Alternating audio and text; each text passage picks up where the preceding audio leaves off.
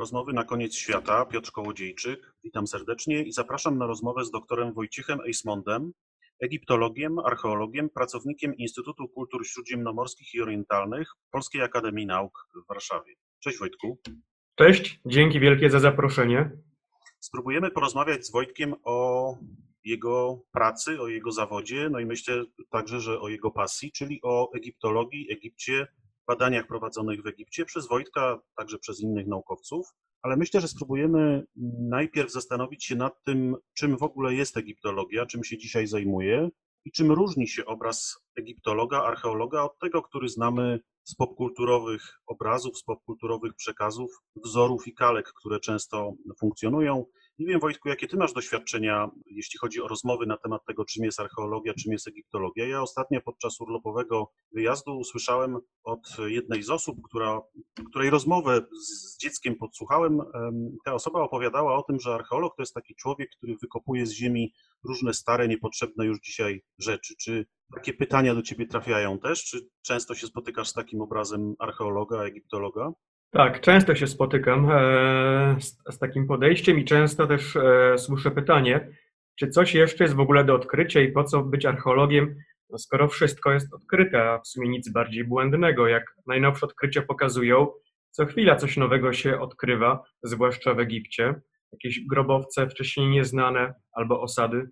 No właśnie, y, my archeolodzy wiemy to doskonale, że jeszcze mnóstwo rzeczy pozostało do odkrycia, a tak naprawdę do przebadania i przeanalizowania, no bo przecież archeolog zajmuje się analizą życia ludzi w przeszłości i te rzeczy, te przedmioty, obiekty, które odkrywa, służą mu właśnie do tego. Ty zajmujesz się archeologią starożytnego Egiptu. Czym jest dzisiaj egiptologia? Czym się egiptolodzy dzisiaj zajmują? Na jakie pytania próbują odpowiedzieć? No, przede wszystkim e, definicja, czym jest egiptolog i czym się różni od archeologa, nie jest taka prosta, bo tak słownikowo, chcąc być bardzo poprawnym, to egiptolog jest filologiem starożytnego Egiptu, czyli osobą, która czyta i tłumaczy hieroglify, zajmuje się słowem pisanym i również przy okazji szeroko pojętą kulturą i powinien trochę mieć też pojęcia o archeologii Egiptu, ale nie musi być e, archeologiem w dosłownym sensie tego słowa. Natomiast archeolog i archeolog zajmuje się e, przede wszystkim kulturą materialną, materialnymi pozostałościami po starożytnych cywilizacjach. I w archeologii jest specjalizacja archeologia starożytnego Egiptu albo Doliny Nilu. I często takie właśnie pojęcia archeolog starożytnego Egiptu i egiptolog używane są zamiennie. Trudno powiedzieć, czy jest to poprawne, czy nie, ale można użyć takiego skrótu myślowego, że archeolog starożytnego Egiptu może być nazywany egiptologiem, a egiptolog, nawet jeżeli egiptolog to prostu filolog, e, ale też najczęściej znający się na archeologii i pracujący często jako archeolog albo współpracujący z egiptologami. Czyli... Dawniej e, samo pojęcie archeologa i egiptologa ewoluowało. Dawniej e, archeolodzy skupiali się na tworzeniu dużych kolekcji muzealnych, przywożeniu zabytków, a ich badania były sponsorowane przez muzea albo różne stowarzyszenia naukowe, albo władców czy rządy. To były takie właśnie pierwsze dekady archeologii Egiptu czy archeologii w Egipcie. Wtedy to właśnie odczytano e, hieroglify, narodziła się egiptologia w początkach XIX wieku. A teraz to pojęcie coraz bardziej ewoluuje i tworzą się coraz większe specjalizacje w tej działce. Archeologia pra, pradziejów Egiptu albo archeologia okresu Nowego Państwa. Egiptologia, czyli jeśli zrozumiemy ją e, tak trochę na skróty, idąc tropem tej twojej podręcznikowej definicji, czy właściwie wbrew temu tej, tej podręcznikowej definicji, to jest jedna z tych najstarszych gałęzi archeologii prawda? Zainteresowanie kulturą, historią, dziejami, zabytkami, sztuką starożytnego Egiptu no, ma już właściwie kilkaset lat, a tak. co, najmniej, co najmniej od czasu odczytania pisma egipskiego, czyli od początku wieku XIX, no, rozwija się w sposób taki naukowy, powiedzielibyśmy, bardzo profesjonalny, w oparciu o źródła pisane, które, które możemy e, zrozumieć. Pozwolę sobie ci wejść w słowo i zaryzykować taką tezę, że archeologia narodziła się w starożytnym Egipcie, ponieważ już starożytni Egipcjanie interesowali się swoją przeszłością i znajdowali e, przedmioty, o których wiedzieli, że one mają setki, jeśli nie tysiące lat, a ponieważ była ciągłość kulturowa zachowana i potrafili czytać pismo hieroglificzne, które, które rozwijało się przez ponad 3000 lat, mieli taką świadomość historyczną. Nawet był taki książę egipski w czasach ramesyckich, nazywał się Haemwaset, który był, tak można powiedzieć, antykwariuszem. On odkopywał różne starożytne e, budowle i czasami je remontował. Powiedzielibyśmy dzisiaj, że e, prowadził działania konserwatorskie. Więc Dziękuję Ci, że to powiedziałeś, bo mi nie wypadało. Nie chciałem wyjść na takiego egiptocentrycznego człowieka, ale tak rzeczywiście, tak rzeczywiście jest. No, choćby fakt zapisywania czy, czy tworzenia w okresie, na przykład w okresie Nowego Państwa list królewskich, które zaczynały się od czasów, których Egipcjanie nie mogli pamiętać, próbowali sobie je wyobrazić, zrekonstruować na podstawie różnych źródeł albo opowieści, no jest rzeczywiście dowodem na to, że ta przeszłość ich interesowała, pewnie dlatego, że byli w niej głęboko zakorzenieni. Jak słusznie powiedziałeś, czuli cały czas tą swoją ciągłość kulturową i no, potrzebowali tego związku z przeszłością, w związku z tym jej śladów e, gdzieś tam poszukiwali. A czym zajmują się egiptolodzy dzisiaj? Jakie, jakie byś wymienił główne pola badawcze czy tematy, które dzisiaj y, badaczy zajmujących się starożytnym Egiptem interesują, frapują? To może na wstępie powiem, że będę używał słów archeolog starożytnego Egiptu i egiptolog jako synonimy e, dla uproszczenia.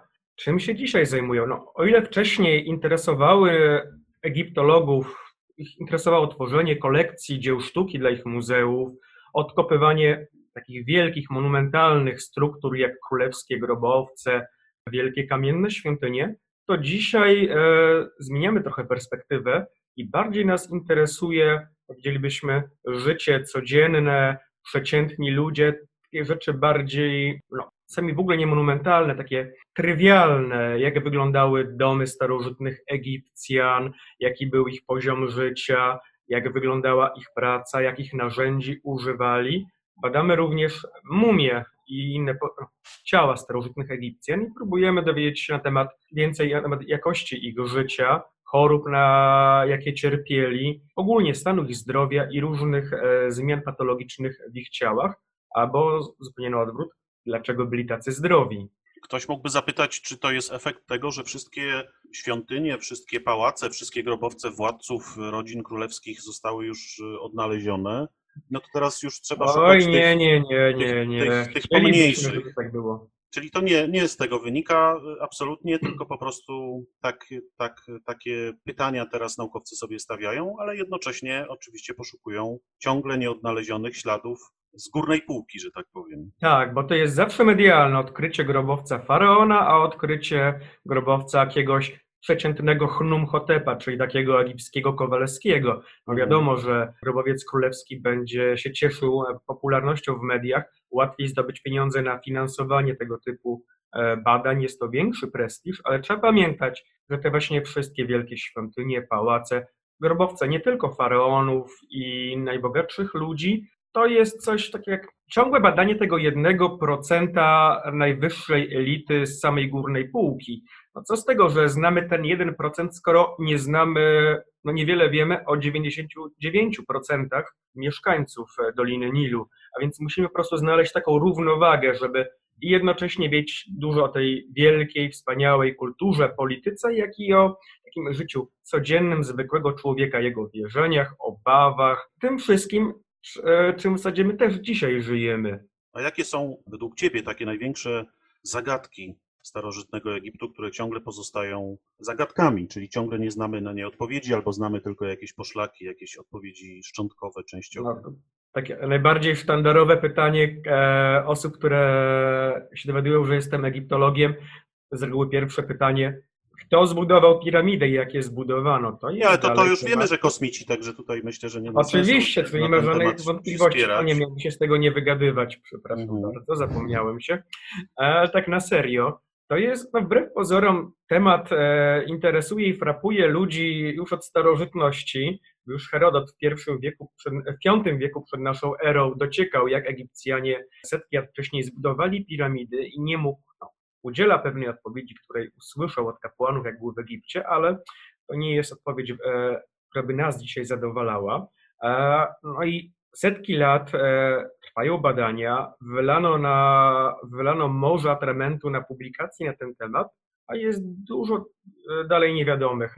Dopiero w latach 80., 90. XX wieku zaczął się większy projekt wokół piramid w Gizie, w czasie którego Mark Leiner odsłonił miasto budowniczych piramid i cmentarzysko robotników, którzy wznosili te grobowce. I dopiero wtedy tak naprawdę zaczęliśmy lepiej poznawać e, to zagadnienie, bo można było wtedy próbować ustalić, ile osób było zaangażowanych w pracę, jak mogła wyglądać ich praca, czy ulegali wypadkom, jak e, praca wpływała na stan ich zdrowia, co jedli. Wbrew pozorom temat jest e, niby stary, a ciągle wychodzą zupełnie nowe rzeczy. Czy rozwój technologii, rozwój różnych e, metod związanych z archeologią, ale także innych dyscyplin naukowych, które archeologię wspomagają, powoduje, że ta praca archeologa, egiptologa staje się łatwiejsza, że może on pozyskiwać więcej danych, więcej informacji, dociekać spraw i rozwiązywać zagadki, które były niedostępne dla naszych poprzedników w tym zawodzie kilkadziesiąt, sto lat temu? No, tu odpowiedź nie jest taka jednoznaczna, bo z perspektywy egiptologa technika, e, metoda, metody badań się bardzo rozwinęły i ciągle rozwijają. Trudno, e, trudno w ogóle nadążyć E, ze współczesnym rozwojem technik badawczych. Dzięki temu możemy odpowiedzieć na więcej pytań, ba możemy stawiać coraz śmielsze, dokładniejsze pytania i uzyskiwać na nie odpowiedzi, dowiadywać się rzeczy, o których 10 lat temu jeszcze nikomu się nie śniło. Czy to ułatwia naszą pracę? Nie, wręcz na odwrót, ponieważ teraz archeolog pracujący w Egipcie musi być e, niezwykle oczytany i na bieżąco i ciągle się to jest takie trochę oczywiste, że człowiek się uczy całe życie, ale być na bieżąco z najnowszymi technikami badawczymi, publikacjami, możliwością wykorzystania najnowocześniejszego sprzętu, to sprawia, że człowiek po prostu e, czasami nie wychodzi z biblioteki, nie, nie wyściubia nosa z czasopism naukowych. W pewnym sensie to ułatwia pracę, z drugiej strony dodaje nowej pracy. Chcesz ale że jesteśmy rezultaty tak... są zadowalające. Chcesz powiedzieć, że jesteśmy tak zarzuceni nowościami, treściami tak. publikowanymi, ale także pojawiającymi się metodami, eksperymentami i, i, narzędziami, że powoli przestajemy mieć możliwość ich używania, tak? Bo jest ich tak dużo, że. No nie zawsze nadążamy, żeby wszystko zastosować. No, jeździmy z reguły do roku, raz do roku do Egiptu i nie sposób e, wdrożyć w życie i w badania wszystkich nowych metod w czasie jednego sezonu a po roku, dwóch już metody się udoskonalają i można tych starych zapomnieć i trzeba przygotowywać się na coraz bardziej nowoczesne rzeczy, po prostu trudno nadążyć. Powiedziałeś y, przed chwilą, że odkrywanie takich rzeczy jak grobowce, świątynie, grobowce faraonów powodują, że te odkrycia trafiają gdzieś do publicznej świadomości poprzez media, stają się medialne, nośne, popularne. Czy to znaczy, że egiptolodzy w jakiś sposób e, lubią kreować swój obraz poprzez tego rodzaju odkrycia, czy nawet troszeczkę koloryzowanie swoich, swojej działalności po to, żeby ona taki właśnie popkulturowy obraz, żeby ona się zbliżała do takiego popkulturowego obrazu? No nie chcę wymieniać nazwiska tego pana, e, o którym wszyscy wiemy, a który się powszechnie z archeologią kojarzy, który biega z pejczem i w kapeluszu i ucieka przed różnymi pułapkami zastawionymi na niego w różnych miejscach. Czy taki obraz e, archeologa jest jakiś, jakoś przez nas troszeczkę czasem, przez archeologów troszeczkę czasem podkręcany, pożądany, po to, żeby utrzymać tą magię tego zawodu? Jak dobrze wiesz, e, środowisko jest bardzo zróżnicowane i bardzo bogate e, w różne typy osobowości i niektórzy nie muszą nawet udawać, nie muszą się kreować w ten sposób, po prostu z natury. Jak dobrze wiemy, w Egipcie raczej się chodzi w twardym obuwiu, wygodnych spodniach i e, kremowej koszuli, bo to jest praktyczne i oczywiście odpowiednim kapeluszu. Co prawda nikt nie biega teraz z pejczem, ale się biega ze sprzętem na ogół. E, no i wiele osób wygląda jak Indiana Jones, e, jak prowadzą badania. Po prostu naturalnie tak się wygląda w Egipcie czasami, ale są też osoby, które bardzo nie lubią uwagi, takie typowe mole książkowe. Chyba większość z nas po prostu prowadzi badania z czystej pasji e, i nie jest zainteresowana światłami reflektorów.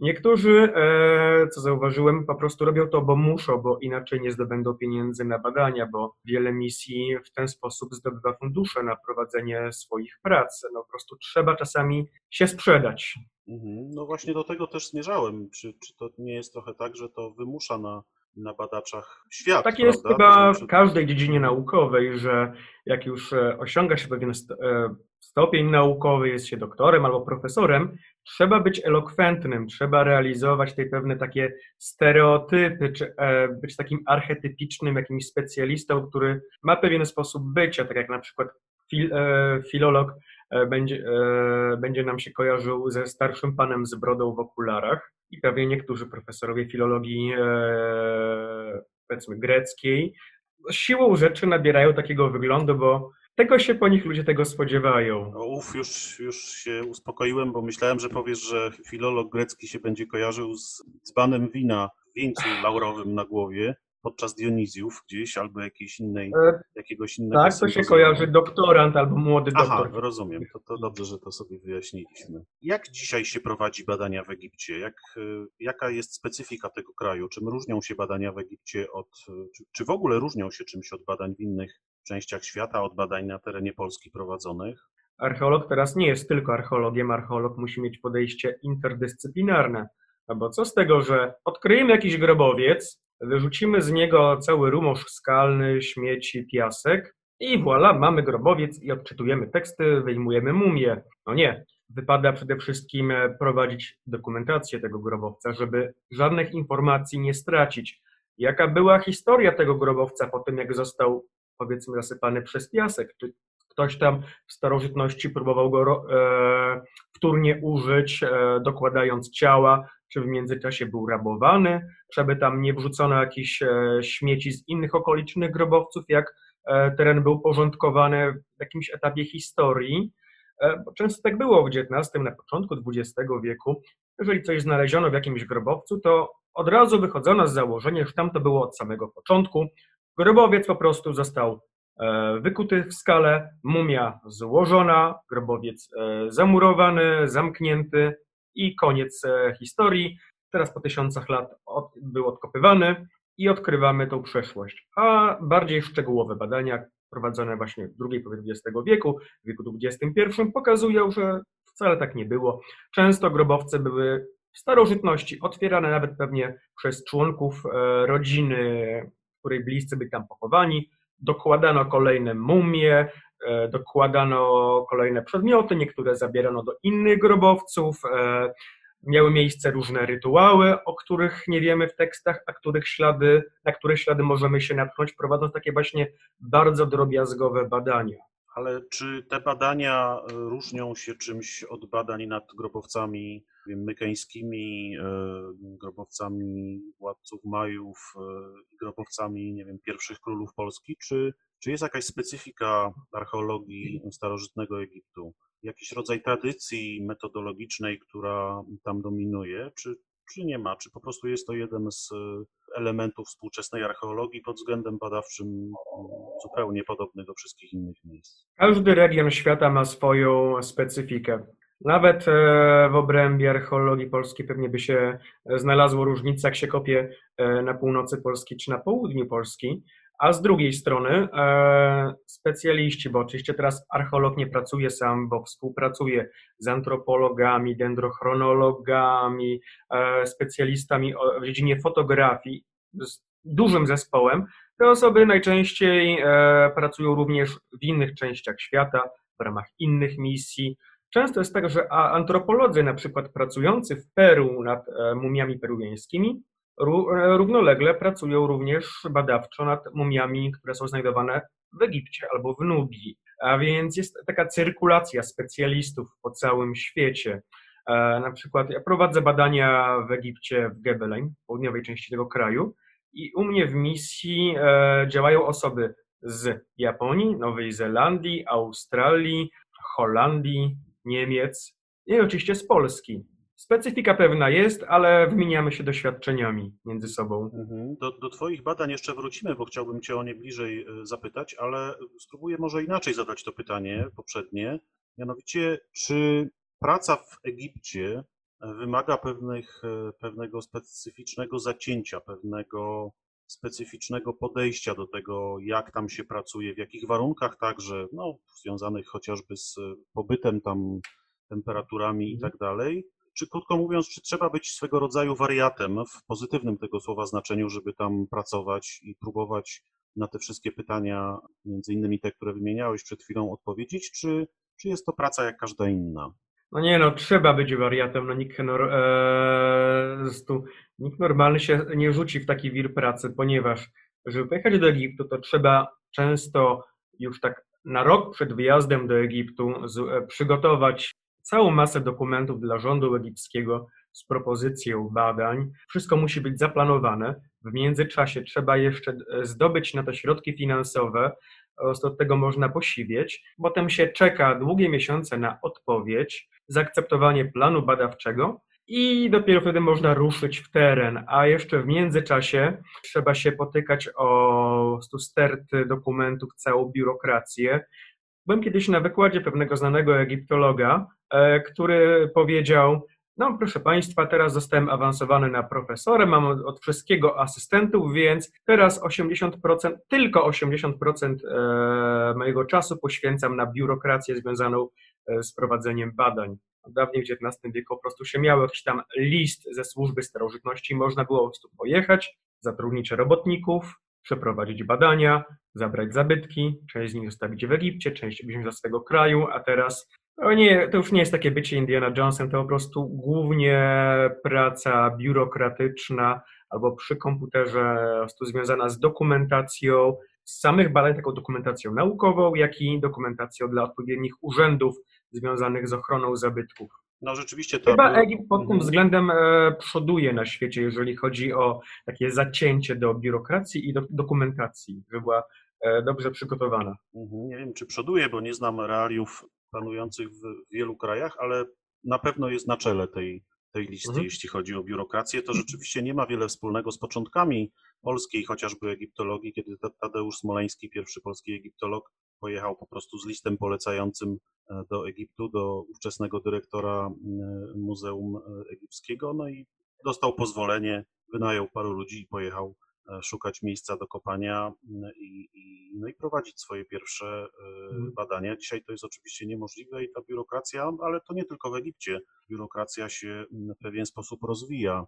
No właśnie, to spróbujmy może teraz porozmawiać o Twoich badaniach. Powiedziałeś, że prowadzisz projekt w miejscowości Gebelein. Coś bliżej na ten temat, gdybyś mógł powiedzieć. Dlaczego ten projekt prowadzisz? Dlaczego się zabrałeś za ten temat? Co tam się ważnego znajduje?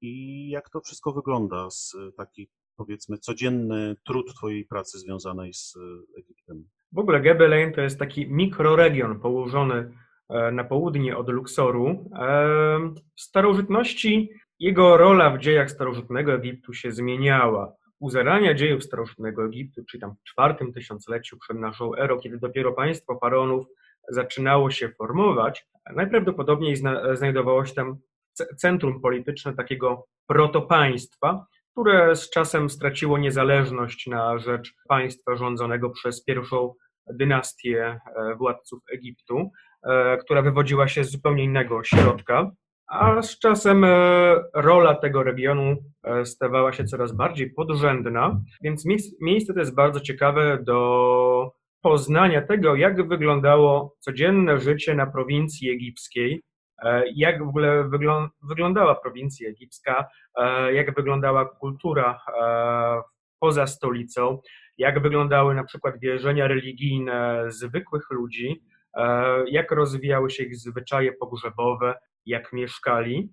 Na tym terenie mamy przynajmniej dwa starożytne miasta, być może fortece, przynajmniej dwie wykute, może i trzy wykute w skałach sanktuaria. Do tej pory naliczyliśmy się chyba z 500, no 500 grobowców namierzyliśmy w terenie, które w większości jeszcze nie są przebadane. One tworzą cztery nekropole, które datowane są od czwartego tysiąclecia przed naszą erą po średniowiecze. Więc można powiedzieć, że Gebelen jest takim Egiptem w pigułce. Tam jest wszystko to, co można e, znaleźć, e, archeolog może znaleźć w Egipcie, poza takimi monumentalnymi królewskimi zabytkami, jak wielkie świątynie, e, czy wielkie wykute w skałach bogato dekorowane grobowce. My po prostu mamy zwykłych ludzi i na tym się skupiamy. A jak się tam znalazłeś? Dlaczego twój wybór padł właśnie na to miejsce? trochę przypadek, trochę szczęście, trochę dobra intuicja. Planowałem swoją rozprawę doktorską. Zamierzałem e, w ramach niej e, przeprowadzić analizy bardzo wielu stanowisk archeologicznych e, pod różnymi kątami. I jednym z pierwszych, które wybrałem, żeby odwiedzić, było Gebelein. No i o Gebelein wcześniej dużo czytałem. Pojechałem w teren i okazało się, że to, co czytałem na temat Gebelein, ma się nijak do tego, co jest tam e, na miejscu. Z literatury wynika, że teren był, jest raczej średnio interesujący, nie ma tam obecnie zbyt dużo zabytków, bo większość publikacji, które analizowałem, e, które opisywały, co tam wcześniej znaleziono, kto prowadził badania, jakie prowadził, to były publikacje z końca XIX wieku, początku XX wieku, czyli z czasów, kiedy egiptologów najbardziej interesowały takie właśnie monumentalne, wielkie rzeczy, a rzeczy takie właśnie związane z zwykłymi ludźmi były ignorowane, niewspominane w literaturze.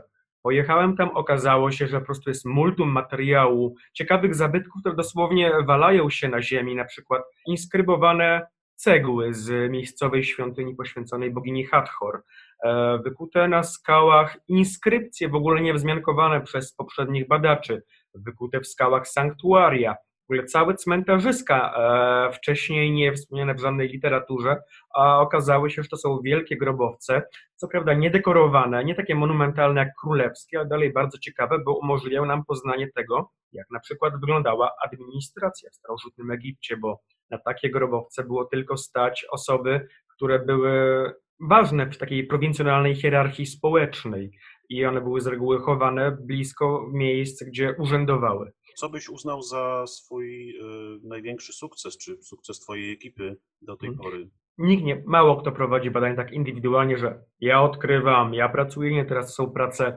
całych zespołów. No ja właśnie mówiąc w imieniu swojego zespołu, a któremu jestem bardzo wdzięczny za owocne lata współpracy, mogę powiedzieć, że w ramach tego zespołu na przykład odkryliśmy e, monumentalną wręcz inskrypcję wzmiankującą faraona Ramzesa IV i być może ta inskrypcja e, wyzmiankuje wcześniej nieznaną ekspedycję, którą wysłał ten władca. Drobne, takie mniejsze inskrypcje związane z kultem bogini Hathor i innych e, bogów w tym regionie, które być może są najstarszymi znanymi egipskimi modlitwami znalezionymi w obrębie świątyni, co było wielkim odkryciem e, parę lat temu. A teraz nasz kolega z Węgier, Daniel Tokacz, e, opublikował e, książkę na temat wykutej w skale świątyni poświęconej bogini Hathor, która też była dużym odkryciem dosłownie tam z 40 lat temu jeden egiptolog się zająknął w jakiejś publikacji, że gdzieś tam Gebelein jest takie dziwne miejsce wykute w skale, do końca nie wiadomo co to jest. Zaczęliśmy tam pracę w roku chyba 2015, no i okazało się wcześniej nieznana świątynia e, wykuta w skale e, z rozkazu królowej Hatshepsut. Czyli te twoje dotychczasowe najważniejsze, czy wasze dotychczasowe najważniejsze odkrycia związane są raczej z czasami nowego państwa, tak? Z, E, Mamy przekrój, wszyscy, praktycznie wiesz, pytam dlatego, że, że jak wiesz, moja z kolei praca związana była przez wiele lat z wczesnym Egiptem, z początkami Egiptu. E, No i zastanawiam się, czy ten e, rejon i te, te odkrycia przez ciebie, do, przez, przez was dokonywane też coś wnoszą tutaj ciekawego do tej historii powstania państwa faraonów. Moje, e, bo się interesuje właśnie genezą e, starożytnego Egiptu i tego dotyczył e, mój doktorat, który właśnie omawiał Gebelein w okresie formowania się starożytnego Egiptu. I tam e, moje badania, moje analizy z jednej strony bazowały na tym, co znaleźli poprzedni badacze, przywieźli do różnych muzeów w Europie albo zostawili w muzeum w Kairze, ale nie opublikowali.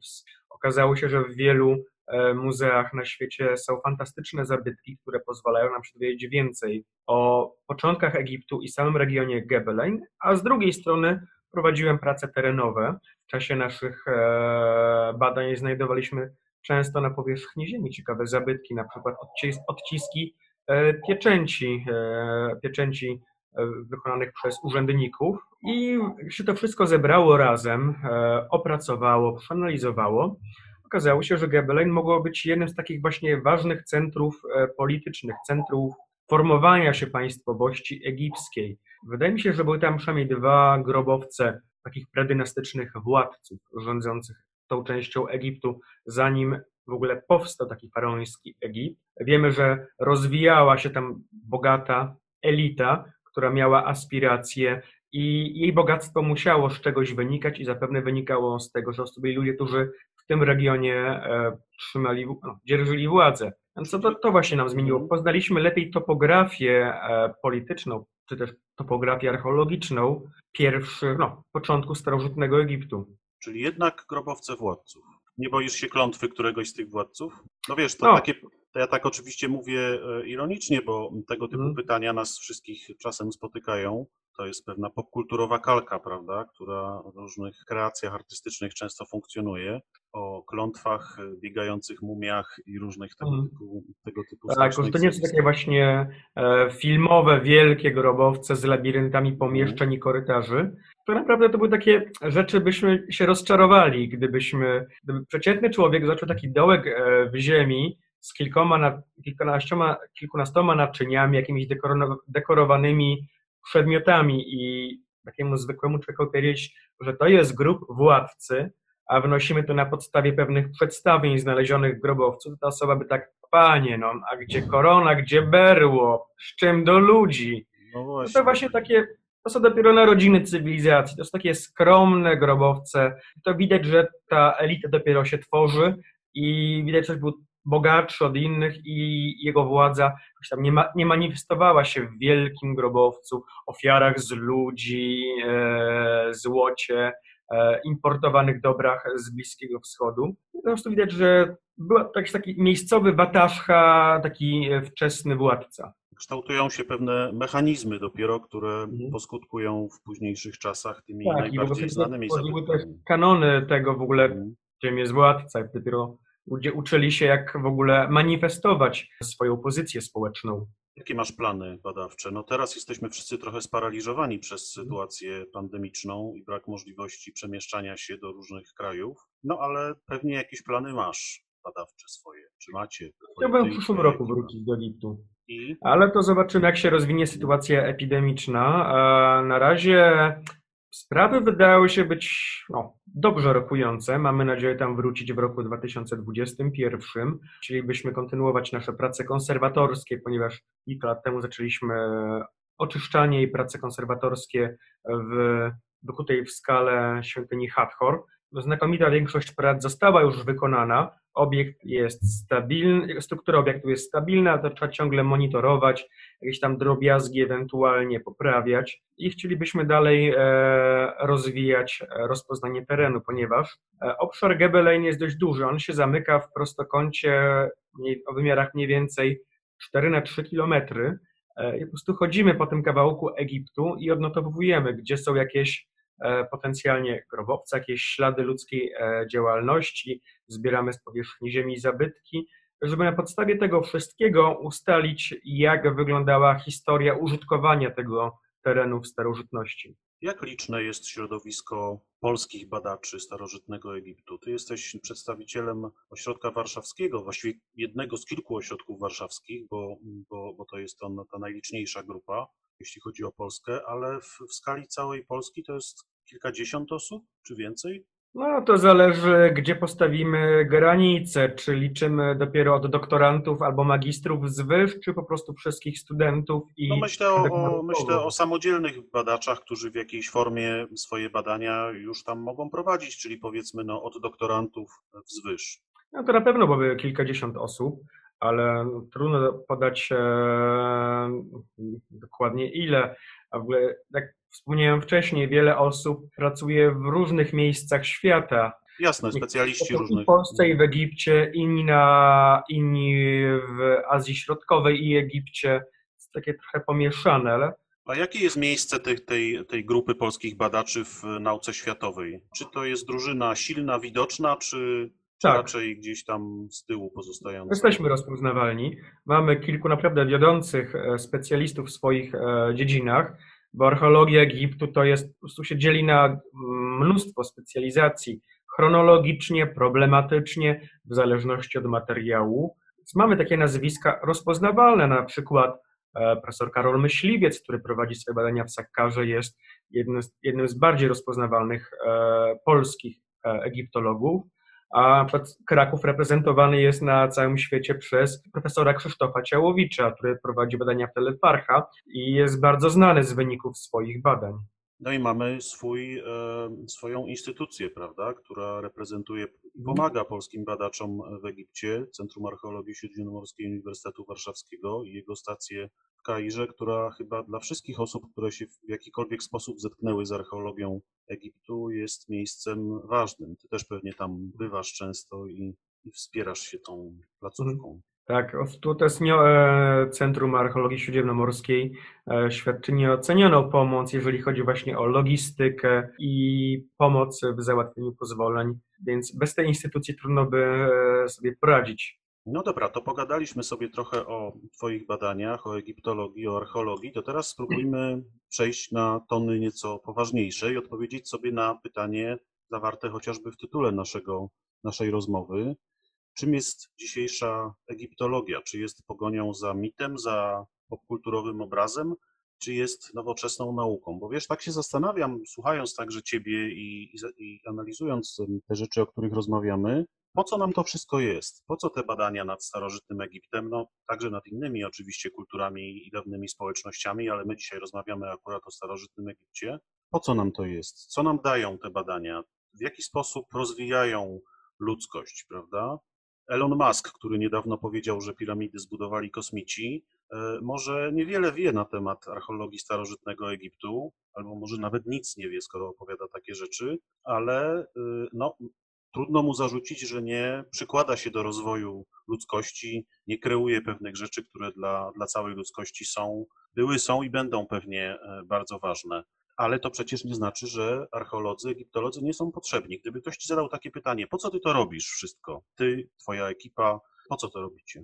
Co byś powiedział? Przeciętnemu człowiekowi może się wydawać, że po prostu my grzebiemy w przeszłości i nic z tego nie wynika dla teraźniejszości dla, i dla przyszłości ludzkości, no bo to już stare dzieje, co to komu e, da. Tak na przykład, e, dzięki badaniom archeologicznym w Egipcie możemy lepiej poznawać zmiany klimatyczne, ponieważ możemy e, rozpoznać, jak się zmieniały wylewy Nilu, kiedy były wyższe, kiedy niższe. Były pewne okresy, kiedy one były właśnie niezwykle niskie, co było wynikiem ogólnoglobalnych zmian klimatycznych i możemy bardzo precyzyjnie nawet wskazywać, w jakich latach wyglądały, e, się zmieniały te wylewy e, Nilu. Widzimy pewne prawidłowości, co jest bardzo przydatne dla klimatologów, a więc też jest przydatne dla, dla nas, znaczy dla współczesnych badaczy, którzy chcą zaobserwować pewne trendy czy pewne prawidłowości występujące na przestrzeni tysięcy i setek tysięcy lat, żeby przewidzieć na tej podstawie, jak to będzie się zmieniało, ewoluowało e, z czasem. To są takie kwestie przyrodnicze, prawda? A bardziej tak, bliżej. E, wysychanie pustyni i jak ludzie na to reagowali, jak się zmieniała kultura jak, e, czy, powstawa, e, czy były jakieś, jakieś wzorce e, postępowania, jak to oddziałuje na, oddziaływało na biurokrację, na państwo, na ludzkie zachowania, na ludzkie wierzenia. Na tej podstawie możemy się trochę nauczyć chyba. Czy są jakieś uniwersalne treści, które dostrzegasz, badając starożytny Egipt, a które byś w jakiś sposób odniósł do czasów późniejszych, a może nawet dzisiejszych? Można zaryzykować taką tezę, że jak państwo się fajnie, dobrze rozwija, jest dobra pogoda, wszystko w normie, rozwija się biurokracja, potem mamy kilka lat złej pogody, klęsk e, nieurodzaju, potem klęsk głodu, e, przychodzą z tym zarazy, wojny i nagle państwo się sypie. Dobra nauczka dla nas, że E, trzeba być elastycznym i, i obserwować przyrodę. A elita, bo o tych grobowcach rozmawialiśmy, no, śladach funkcjonowania elity, śladach jej powstawania, bo mówiłeś o początkach państwa egipskiego, później rozwoju i funkcjonowania.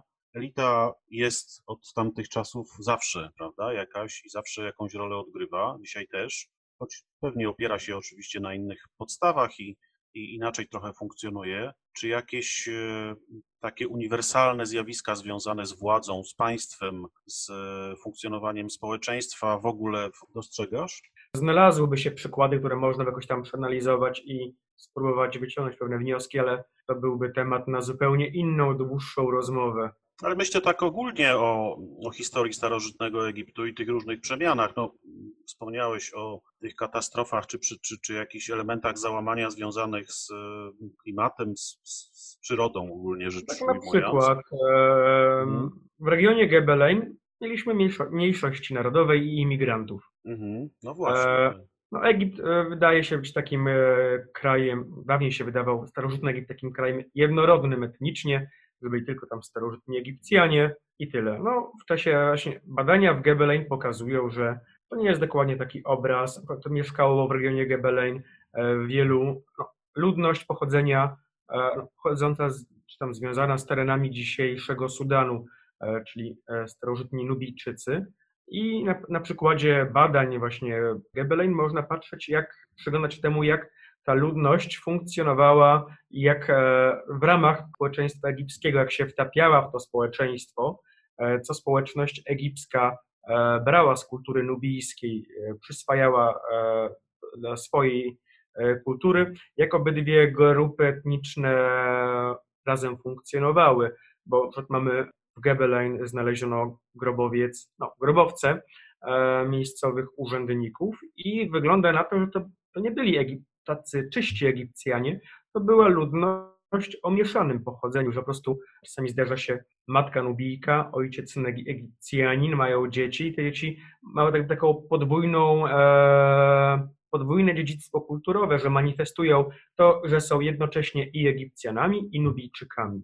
Czyli takie typowe zjawiska terenów pogranicznych, można powiedzieć. Tak, tylko że. Gebele nie jest, temat, nie jest terenem e, pogranicznym. Po prostu przybyła ta ludność w pewnym momencie dziejów starożytnego Egiptu i znalazła sobie dobre miejsce do życia.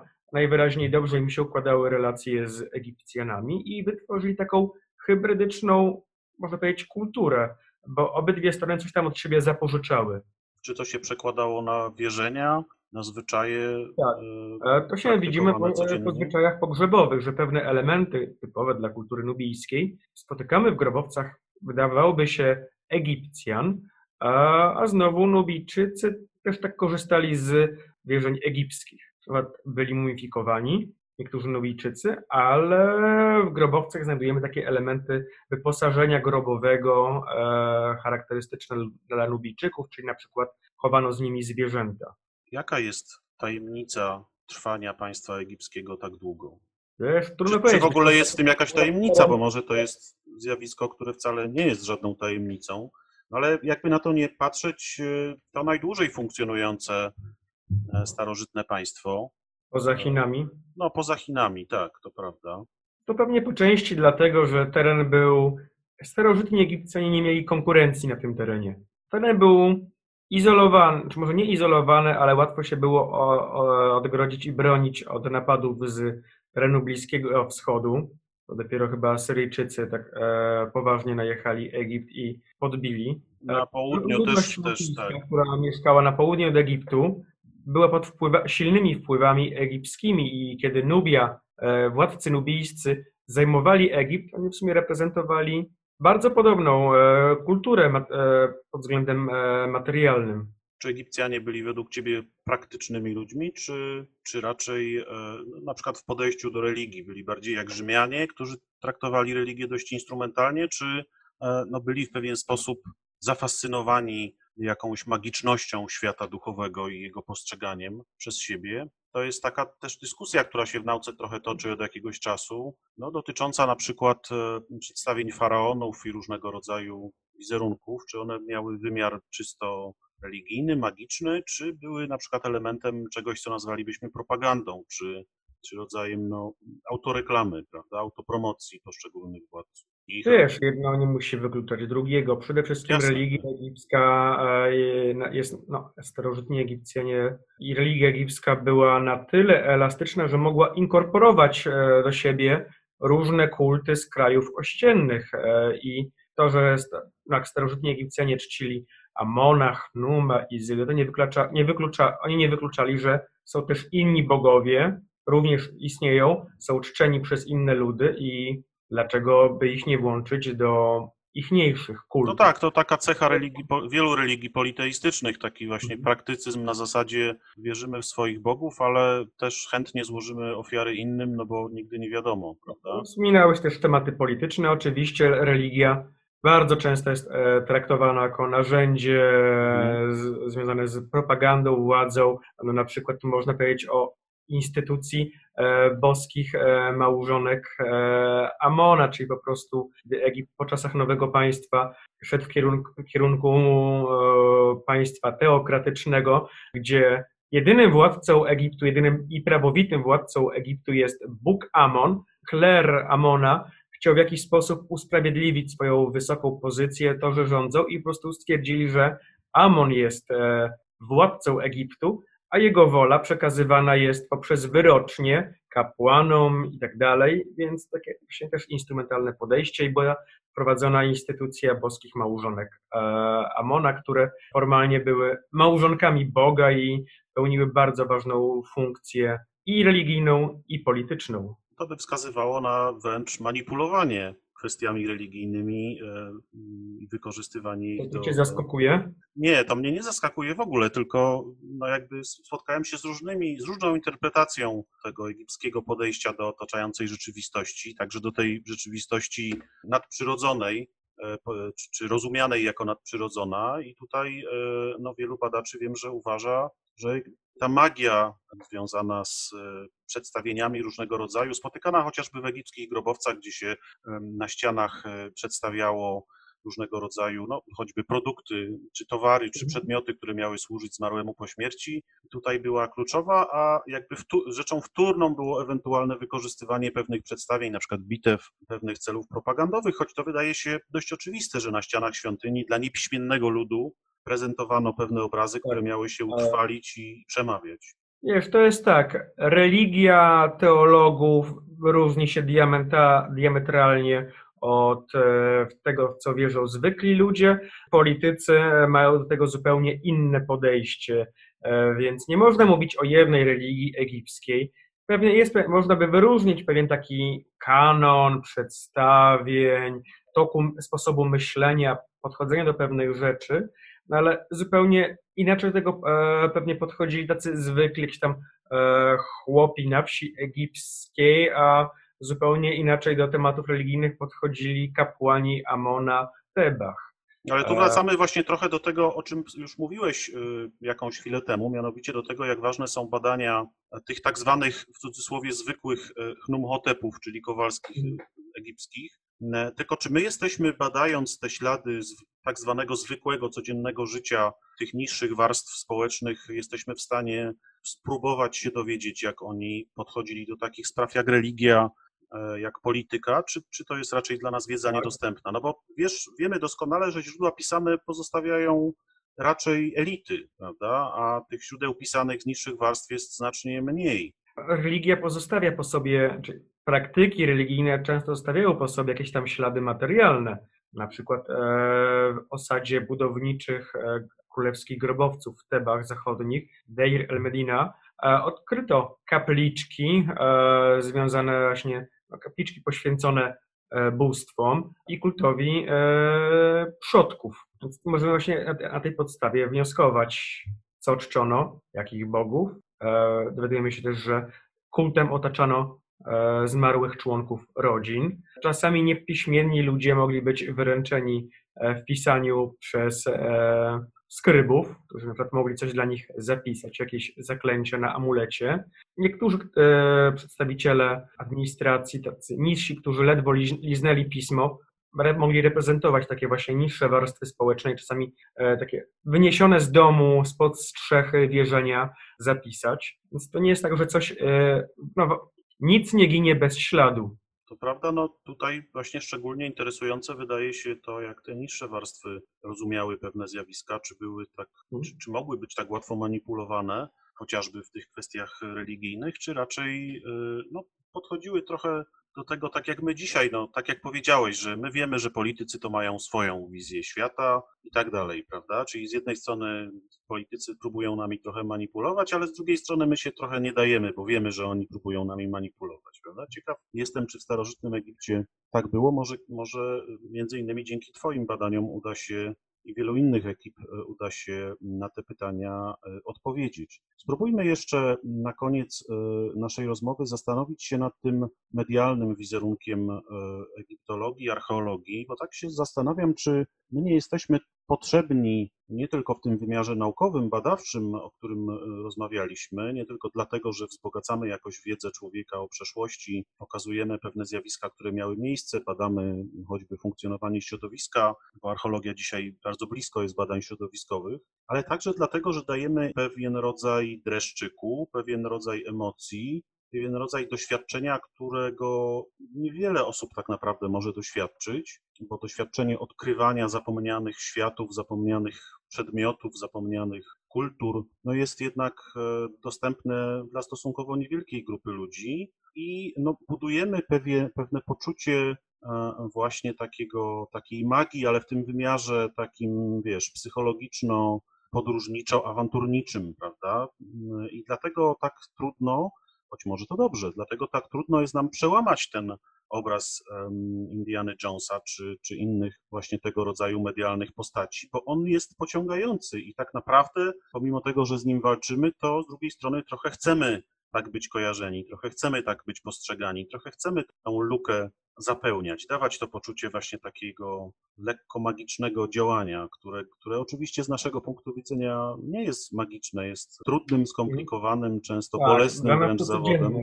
Tak, i wcale nie ma tam często żadnej magii, ani żadnej takiej, e, żadnego takiego filmowego obrazu. No ale, ale tak trochę to działa i tak trochę to się ludziom kojarzy, prawda, ta nasza, ta nasza działalność. Co o tym myślisz? Tak, tak jak mówiliśmy wcześniej, Wymagania pracy terenowej sprawiają, że musimy czasami wyglądać i zachowywać się jak Indiana Jones, e, zwłaszcza jak się mieszka w jakiejś bazie archeologicznej pośrodku nigdzie i jak się wstaje e, rano do toalety, to najpierw trzeba sprawdzić, e, czy są skorpiony w butach i je wysypać. No Dla niektórych to codzienność, można się przyzwyczaić, dla innych to mm, przygoda. Ale sam wiesz, że pewnie też słyszałeś to wiele razy, że o, ja zawsze chciałem być archeologiem. Hmm. Jak byłem młody, jak byłam młoda, to chciałam właśnie podróżować, odkrywać, robić to, co, co ty, co wy robicie. No, y, oczywiście można powiedzieć, że z punktu widzenia praktyczności, zarobków, łatwości znalezienia dobrej pracy, lepiej szukać innych zawodów niż archeologa czy egiptologa, ale jednak jest grupa ludzi, którzy to robią, y, grupa ludzi, którzy badają dawne kultury w różnych częściach świata, no i oni się takim obrazem, tak mi się wydaje, w kulturze popularnej cieszą. On jest oczywiście budowany przez filmy i różnego rodzaju e, zjawiska medialne, które przecież z archeologią jako taką nie mają nic wspólnego, bo nikt z nami nie konsultuje filmu o mhm. przygodach Indiana Jonesa, ale, no, ale kreują pewien, pewien odnośnik popkulturowy do nas, prawda? Odsyłają trochę do nas. I pomimo tego, że my możemy godzinami tłumaczyć, jak ta praca wygląda, co dzisiaj też trochę próbowaliśmy zrobić, to jednak bardziej będziemy się kojarzyć z takim właśnie awanturniczym wizerunkiem, mm, a mniej z tym właśnie gabinetowo-wykopowym pasjonatem, e, ale także człowiekiem wykształconym, który poświęcił wiele lat życia, żeby się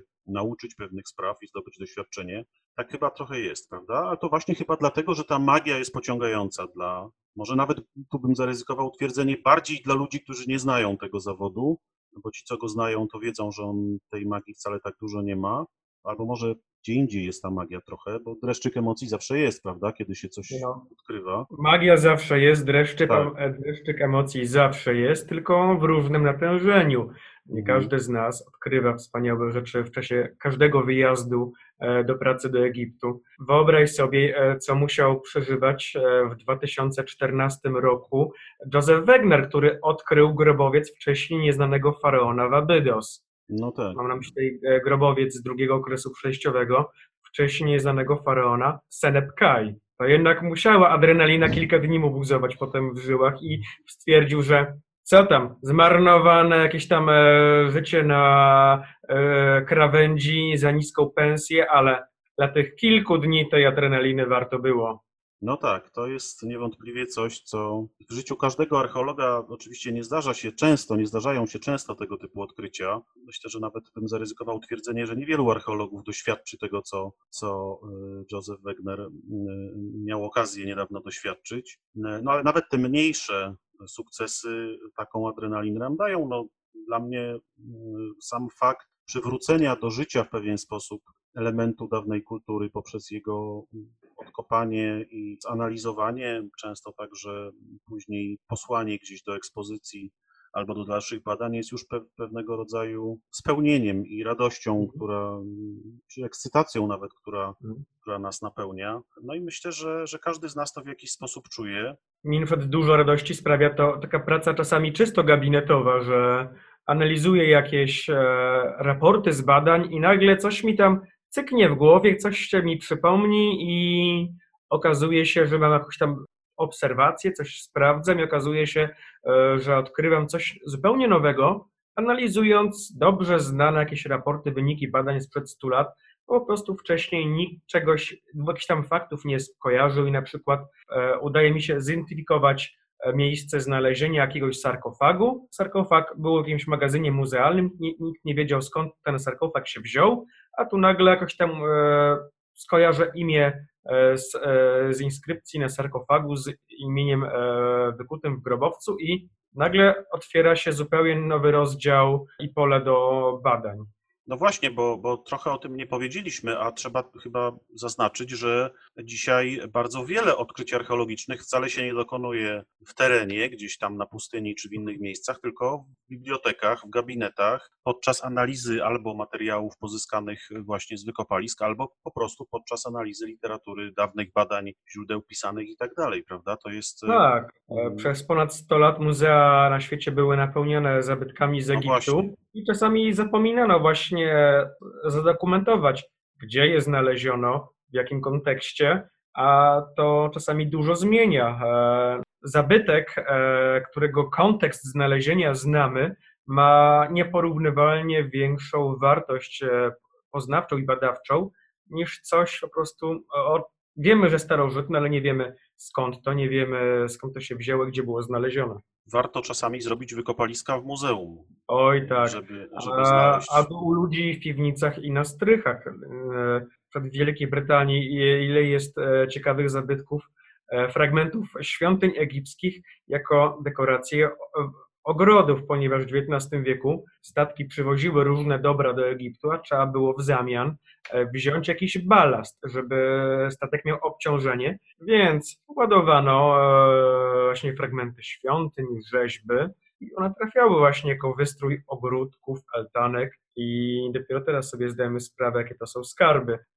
W ogóle najbardziej szokującą dla mnie historią jest to, że jako balastu użyto setek kilogramów zmumifikowanych kotów ze starożytnego Egiptu i potem e, w Liverpoolu próbowano to sprzedać na aukcji jako dobre, dobrej jakości nawóz na no, pola.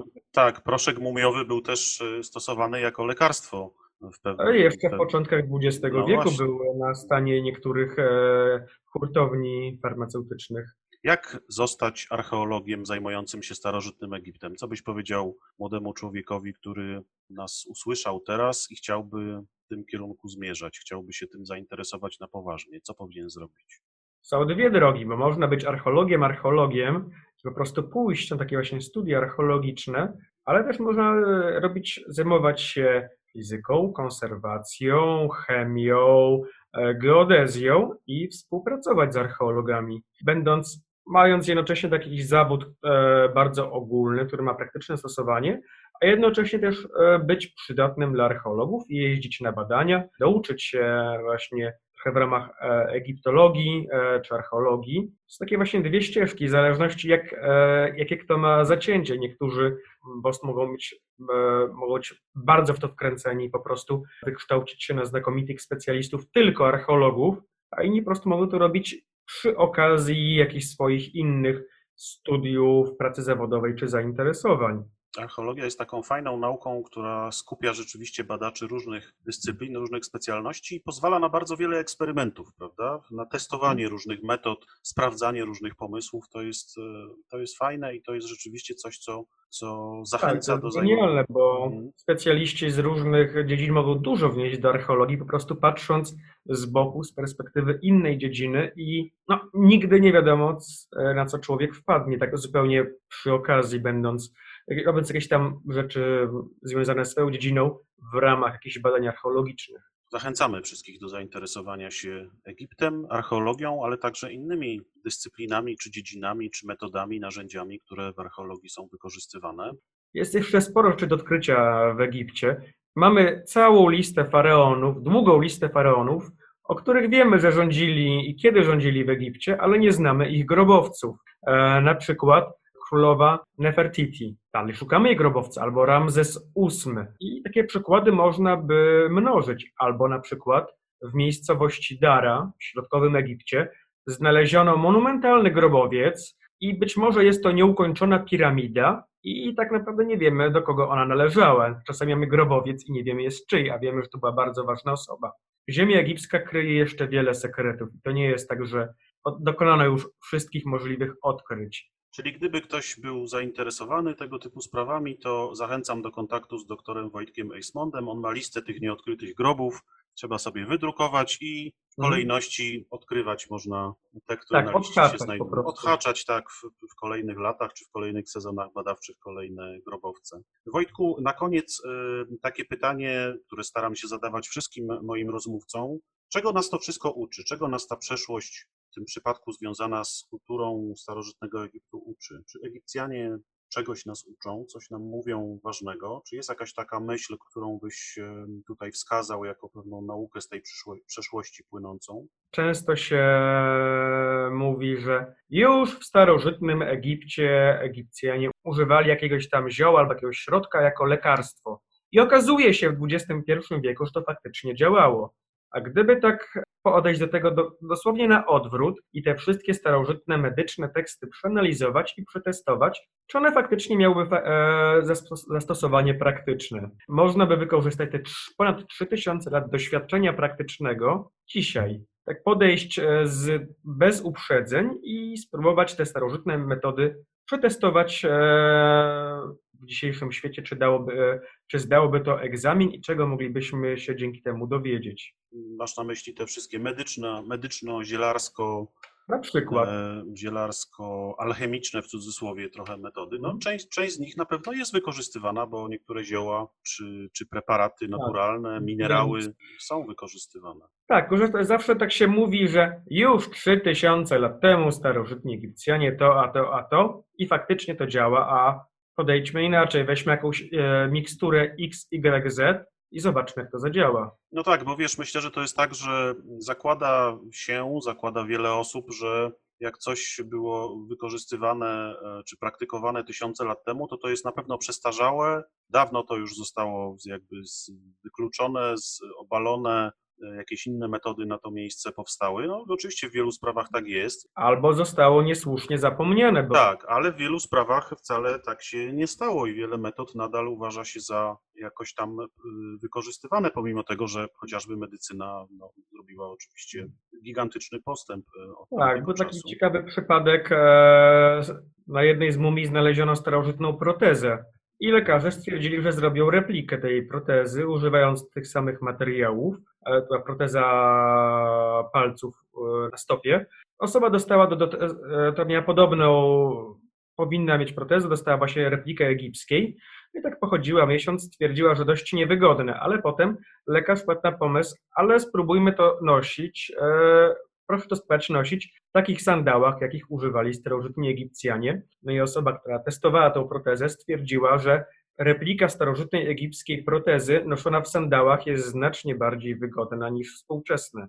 No właśnie, ja z kolei ostatnio zagłębiałem się w tematykę związaną z obróbką kamienia i zdałem sobie sprawę, śledząc różnego rodzaju e, teksty i materiały wizualne także, że metody cięcia kamienia właściwie co do pewnych ogólnych zasad się nie zmieniły przez te tysiące lat. Oczywiście dzisiaj mamy maszyny elektryczne, sterowane komputerami i tak dalej, ale sama same zasady związane z, no, z pewnymi właśnie elementami prowadzenia tych pił, tych różnego rodzaju dość prostych w gruncie rzeczy narzędzi w dalszym ciągu są takie same i, i to właśnie Egipcjanie jako pierwsi albo jedni z pierwszych je stosowali. No, oczywiście zostali nauczeni przez kosmitów, to sprawa Oczywiście. oczywista, ale jednak, jednak rzeczywiście te metody nadal funkcjonują, więc pewnie gdybyśmy tak jeszcze trochę czasu poświęcili, to byśmy tych różnych rzeczy, które, na które można by zwrócić uwagę w starożytnym Egipcie, a które do dzisiaj gdzieś tam funkcjonują, znaleźli całkiem sporo, prawda?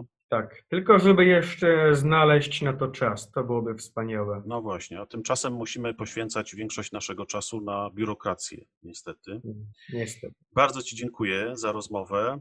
Życzę powodzenia w badaniach. No mam nadzieję, że ten, ta blokada wyjazdowo-badawcza, która wszystkich nas dopadła, się niedługo rzeczywiście skończy i będziemy mogli do badań w Egipcie i w innych częściach świata wrócić. Powoli, powoli. Ta, ta cała sprawa z COVID-em przynajmniej pozwala mi nadgonić zaległości z publikowaniem wyników e, badań, więc jakoś sobie radzę. Mam No nadzieję, właśnie. że ty Właśnie mam- cieszę się, że to powiedziałeś, bo, bo ja też tak uważam. To znaczy też myślę, że trzeba po prostu wykorzystać dobrze ten czas, nadrobić zaległości, e, no i w momencie, kiedy ta blokada zostanie z nas zdjęta, wrócić spokojnie, bez zaległości do pracy. Tak. Dzięki jeszcze raz i wszystkiego dobrego. Dzięki wielkie i do zobaczenia. Do Trzymaj się. Cześć. zobaczenia, cześć.